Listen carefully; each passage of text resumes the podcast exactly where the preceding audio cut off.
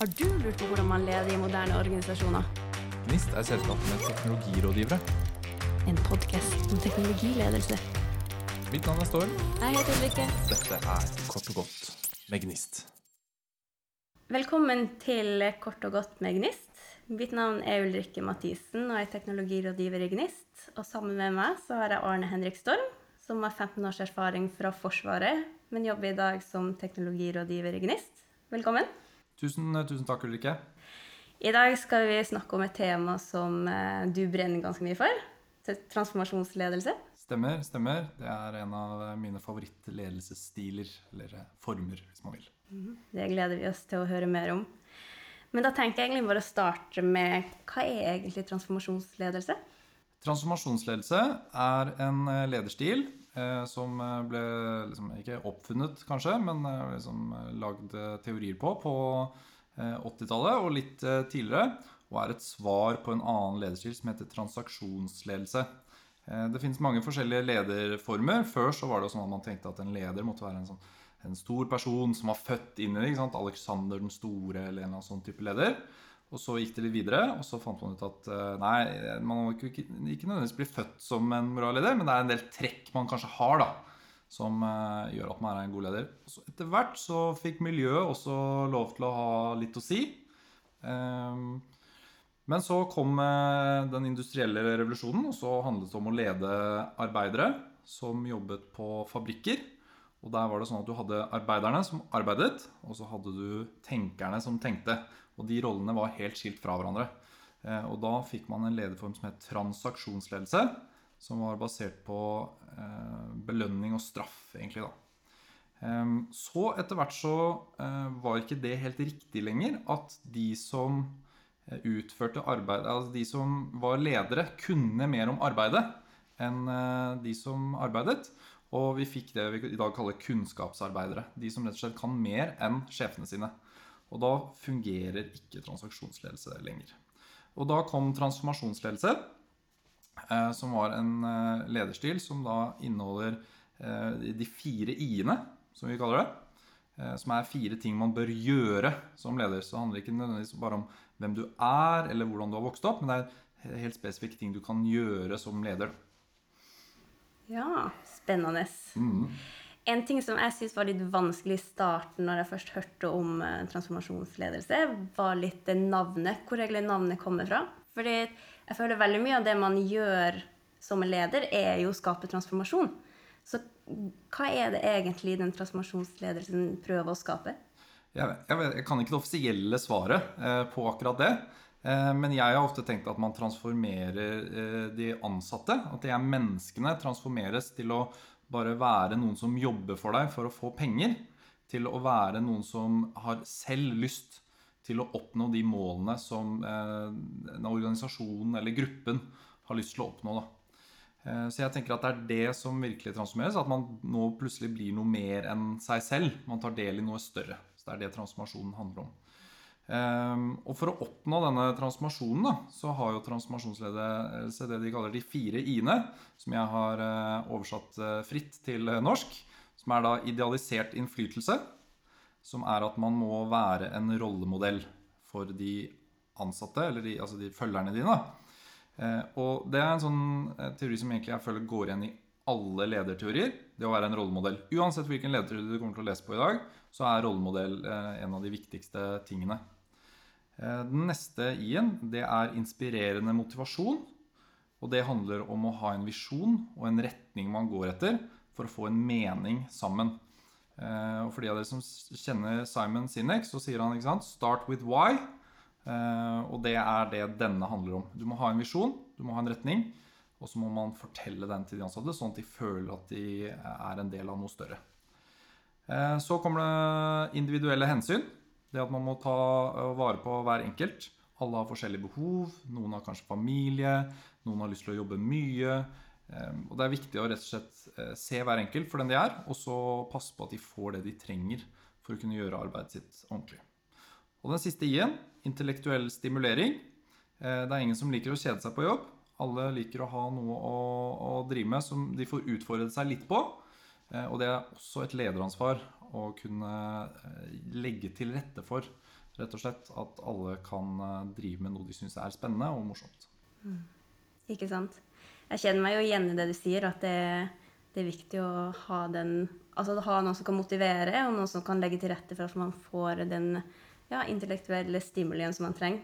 Og så tror jeg jo ting har endra seg fra tidligere, som da er grunnen til at man har fått denne ledelsesformen, og at den er så aktuell i dag. Eh, og det leder meg litt til neste spørsmål, fordi det er jo en teori som ble lansert for eh, over 40 år siden. Og, så hvordan har egentlig den utviklinga vært de siste 40 årene med tanke på denne lederstilen? Jeg, jeg, tror nok eh, stilen i seg selv fortsatt er knyttet til de to som lagde den på 80-tallet. Eh, men at man bruker den litt annerledes nå enn det man gjorde før. Når denne stilen ble laget, så var liksom lederen fortsatt en sånn autoritetsfigur. Og det var lederens ansvar at de ansatte hadde det bra. Eh, mens nå har det kanskje gått mer over til at lederen er en tilrettelegger enn at de selv har ansvaret, og at man ved hjelp av autonome team eksempel, skal sørge for at disse kriteriene er møtt likevel. Eh, det er jo en person som heter Daniel Pink, som har gitt ut en bok som heter Drive, som handler om hva er det som egentlig motiverer oss som ansatte. Og da har lederteorien egentlig gått litt mer vekk fra hva er det lederen skal gjøre, til hva er det de ansatte trenger. Eh, og da er det tre ting. Det er autonomi til å velge hvem man jobber med, hva man jobber med, hvor man jobber. Og den autonomien hører jo sammen med de individuelle hensynene ikke sant? som vi snakket om tidligere. Eh, så har vi mastery, rett og slett at man eh, har mulighet til å bli flink på ting. Og det er knytta til intellektuell stimulering. Og så har du den siste, purpose. Hvorfor gjør vi det vi gjør? Og tre av de fire i-ene er jo på en måte dekt, da, men mer i et perspektiv av motivasjon enn som en leder. Og så er på en måte rollemodellen litt borte. Eh, en annen ting som har kommet, er jo eh, Greenleaf sin Servant Leadership. Som handler om at lederen nå egentlig istedenfor å, å gjøre ting sånn som jeg sa, at den er mer legger til rette for at de ansatte har muligheten til å oppnå disse motivasjonsfaktorene, rett og slett. Um, en annen ting som også er at innenfor Eh, transformasjonsledelse. der er det gjort en del forskning på det. Så viser det at det å være en transformasjonsledelse er en litt sånn stor og karismatisk leder som liker å stå foran folk og tale visjonen og sånn. Eh, og at det er veldig knyttet til ledere som har høy ekstroversjon. At de er ekstroverte ledere. Eh, og er veldig lav på nevrotisisme. Så det at den lederstilen har endret seg litt mer til at man kan gjøre det samme, men å være en tilrettelegger, gjør at kanskje det er flere personer som kan måtte utnytte dette verktøyet. Mm. Du, du, nevnte det å være ekstrovert og leder. Hva er dine tanker om da å skulle være en introvert leder? Jeg tror rett og slett at man må, uh, må uh, gå inn i den rollen litt annerledes. At man heller da kjører en vert, å være en vert at man eh, Ja, ok, du trenger fleksibilitet i hverdagen din. Så, så eh, går jeg og sørger for at du får det ved å fjerne de hindringene som fins, eller sånn. At jeg passer på å sjekke litt hvilke kurs er det som trengs, og at man heller passer på at de ansatte forteller eh, dette er det jeg trenger. For de vet at de kan stole på deg, de vet at du fikser det for dem. At man heller istedenfor å være en sånn stor og sterk leder, er den personen folk tør å gå til da, når de vil få til noen ting. Ikke sant? Det, det, det, er fint å høre at både introverte og ekstroverte kan eh, passe inn i denne lederstilen. Definitivt. Men transformasjonsledelse, hvordan skiller det seg fra andre ledelsesformer? Jeg tror nok kanskje det er mer et verktøy. Eh, at eh, det, Fra straff og belønning, da, som på en måte er litt sånn ute, så skiller det seg definitivt ved at man med alt dette med visjon og sånn.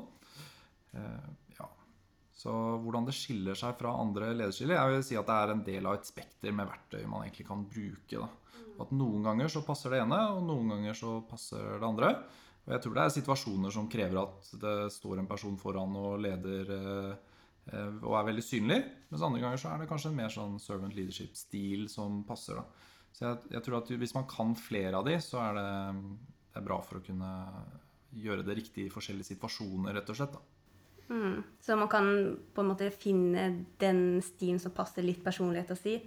Det man er komfortabel med. Er man en Ja, det er litt det, det som er greit. For alle har jo, når, når folk stiller spørsmålet sånn, hva slags lederstil har du, så hører jeg egentlig liksom hva er du komfortabel med? Hvordan er du komfortabel med å lede? Eh, og noen vil nok trekke basert på personligheten sin, trekke mot noen lederstiler, i motsetning til andre. Da. Mm. Og det tror jeg faktisk er ganske viktig, fordi man vil jo ha en leder som er komfortabel med det han gjør. Og hvis da plasserer en person til å skulle, ja, plasserer en introvert person til å skulle være den som står foran hundrevis av folk og være ja, Peder Stordalen Du kommer til å merke det med en gang ja. hvis uh, man går inn i en rolle man ikke er komfortabel med. Så er det bedre å velge en annen lederstil, antageligvis. da. Nå har vi jo gått gjennom hele koronasituasjonen, og forhåpentligvis så nærmer vi oss slutten på den. Så da lurer jeg litt på hvordan kan man som transformasjonsleder legge til rette for, for denne comeback til, til, å skulle være på kontoret kontra hjemmekontor? Eh, jeg tenker at man må se på de fire i-ene som ligger i transformasjonsledelse, og så se hvordan gjelder dette nå. Eh, det første jeg tenker på, er nok den, den fleksibiliteten vi har blitt vant til å ha med hybrid hverdag hvor individuelle hensyn har vært Det har vært veldig lett å ta eh, hensyn til hver enkelts behov. Eh, og jeg tror det vil finnes flere typer mennesker som eh, kommer ut av den hverdagen der. Det er de som gleder seg veldig til å komme tilbake på kontoret. Så har du de som syns det er greit å være hjemme en dag en gang iblant. Og så har du de som virkelig trivdes med å være på hjemmekontor. Så her er det en mulighet for de ansatte å virkelig lede, og så tørre å gi den fleksibiliteten som folk trenger. Eh, og så tror jeg at eh, de som ikke klarer å være fleksible hos de ansatte, de kan hende de sliter med å beholde folk, rett og slett. Eh, jeg tror det er noen fordeler å være tilbake på kontoret også. Mange savner jo kulturen. Og den kulturen som bygges på kontoret, den kommer jo av at lederne har mulighet til å være rollemodeller på en helt annen måte enn man får til over Teams, f.eks. Så det vil være flere små sjanser til å være en rollemodell og vise de verdiene som man vil at andre skal ha. da. I tillegg så tror jeg det er litt lettere å ha en visjon og så gå rundt og prate med folk litt mer om hva er det vi ønsker å oppnå. Så den visjonsbiten her er også lettere antageligvis nå da, når vi er tilbake på kontoret. Så det er fordeler og ulemper med begge deler, selvfølgelig. Hmm. Hvis du skulle nevne en egenskap som er viktig for en transformasjonsleder, hva ville det vært? Eh, tørre å tenke litt fritt. At man ikke er fanget i liksom en type At sånn her skal det være dette er den riktige måten å gjøre det på. Eh, man skal være på kontoret hver dag, eller man skal eh, jobbe fra ni til fire. Eller, eh, eller, sånn. For det, da er det mye lettere å forstå andre når de ønsker en viss form for fleksibilitet. Da. Så jeg tror kanskje det å være, ha et litt sånn fleksibelt mindset og tørre å forstå hva andre egentlig At andre, alle er forskjellige. Det tror jeg er en utrolig viktig egenskap. Mm. Det her er jo et kjempespennende tema, og eh, da lurer jeg egentlig bare på at dem som nå sitter og hører på, og sikkert har lyst til å høre enda mer, um, hvor er det de kan finne mer informasjon om det her? Eh, det går jo selvfølgelig an å lese om lederstiler på nettet, og det fins jo eh, masse bøker om det her. Jeg kunne jo anbefale den Daniel Pink sin Drive-bok, selvfølgelig, på motivasjon. fordi at uansett hvilken lederstil man velger, så er det jo denne, det er jo disse tingene man må klare å tilrettelegge for uansett hvilken lederstil man velger. Så her er det egentlig bare å prøve å bruke de fire i-ene og forstå de. Eh, hvordan kan jeg som leder bruke de forskjellige eh, verktøyene til å sørge for at de ansatte er motivert og har lyst til å gå på jobb hver dag? Da. Mm.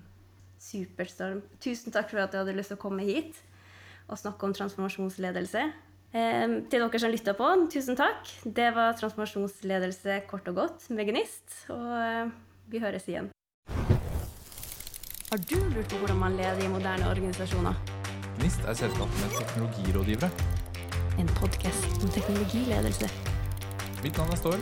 Jeg heter Ulrikke. Dette er Kort og godt med Gnist.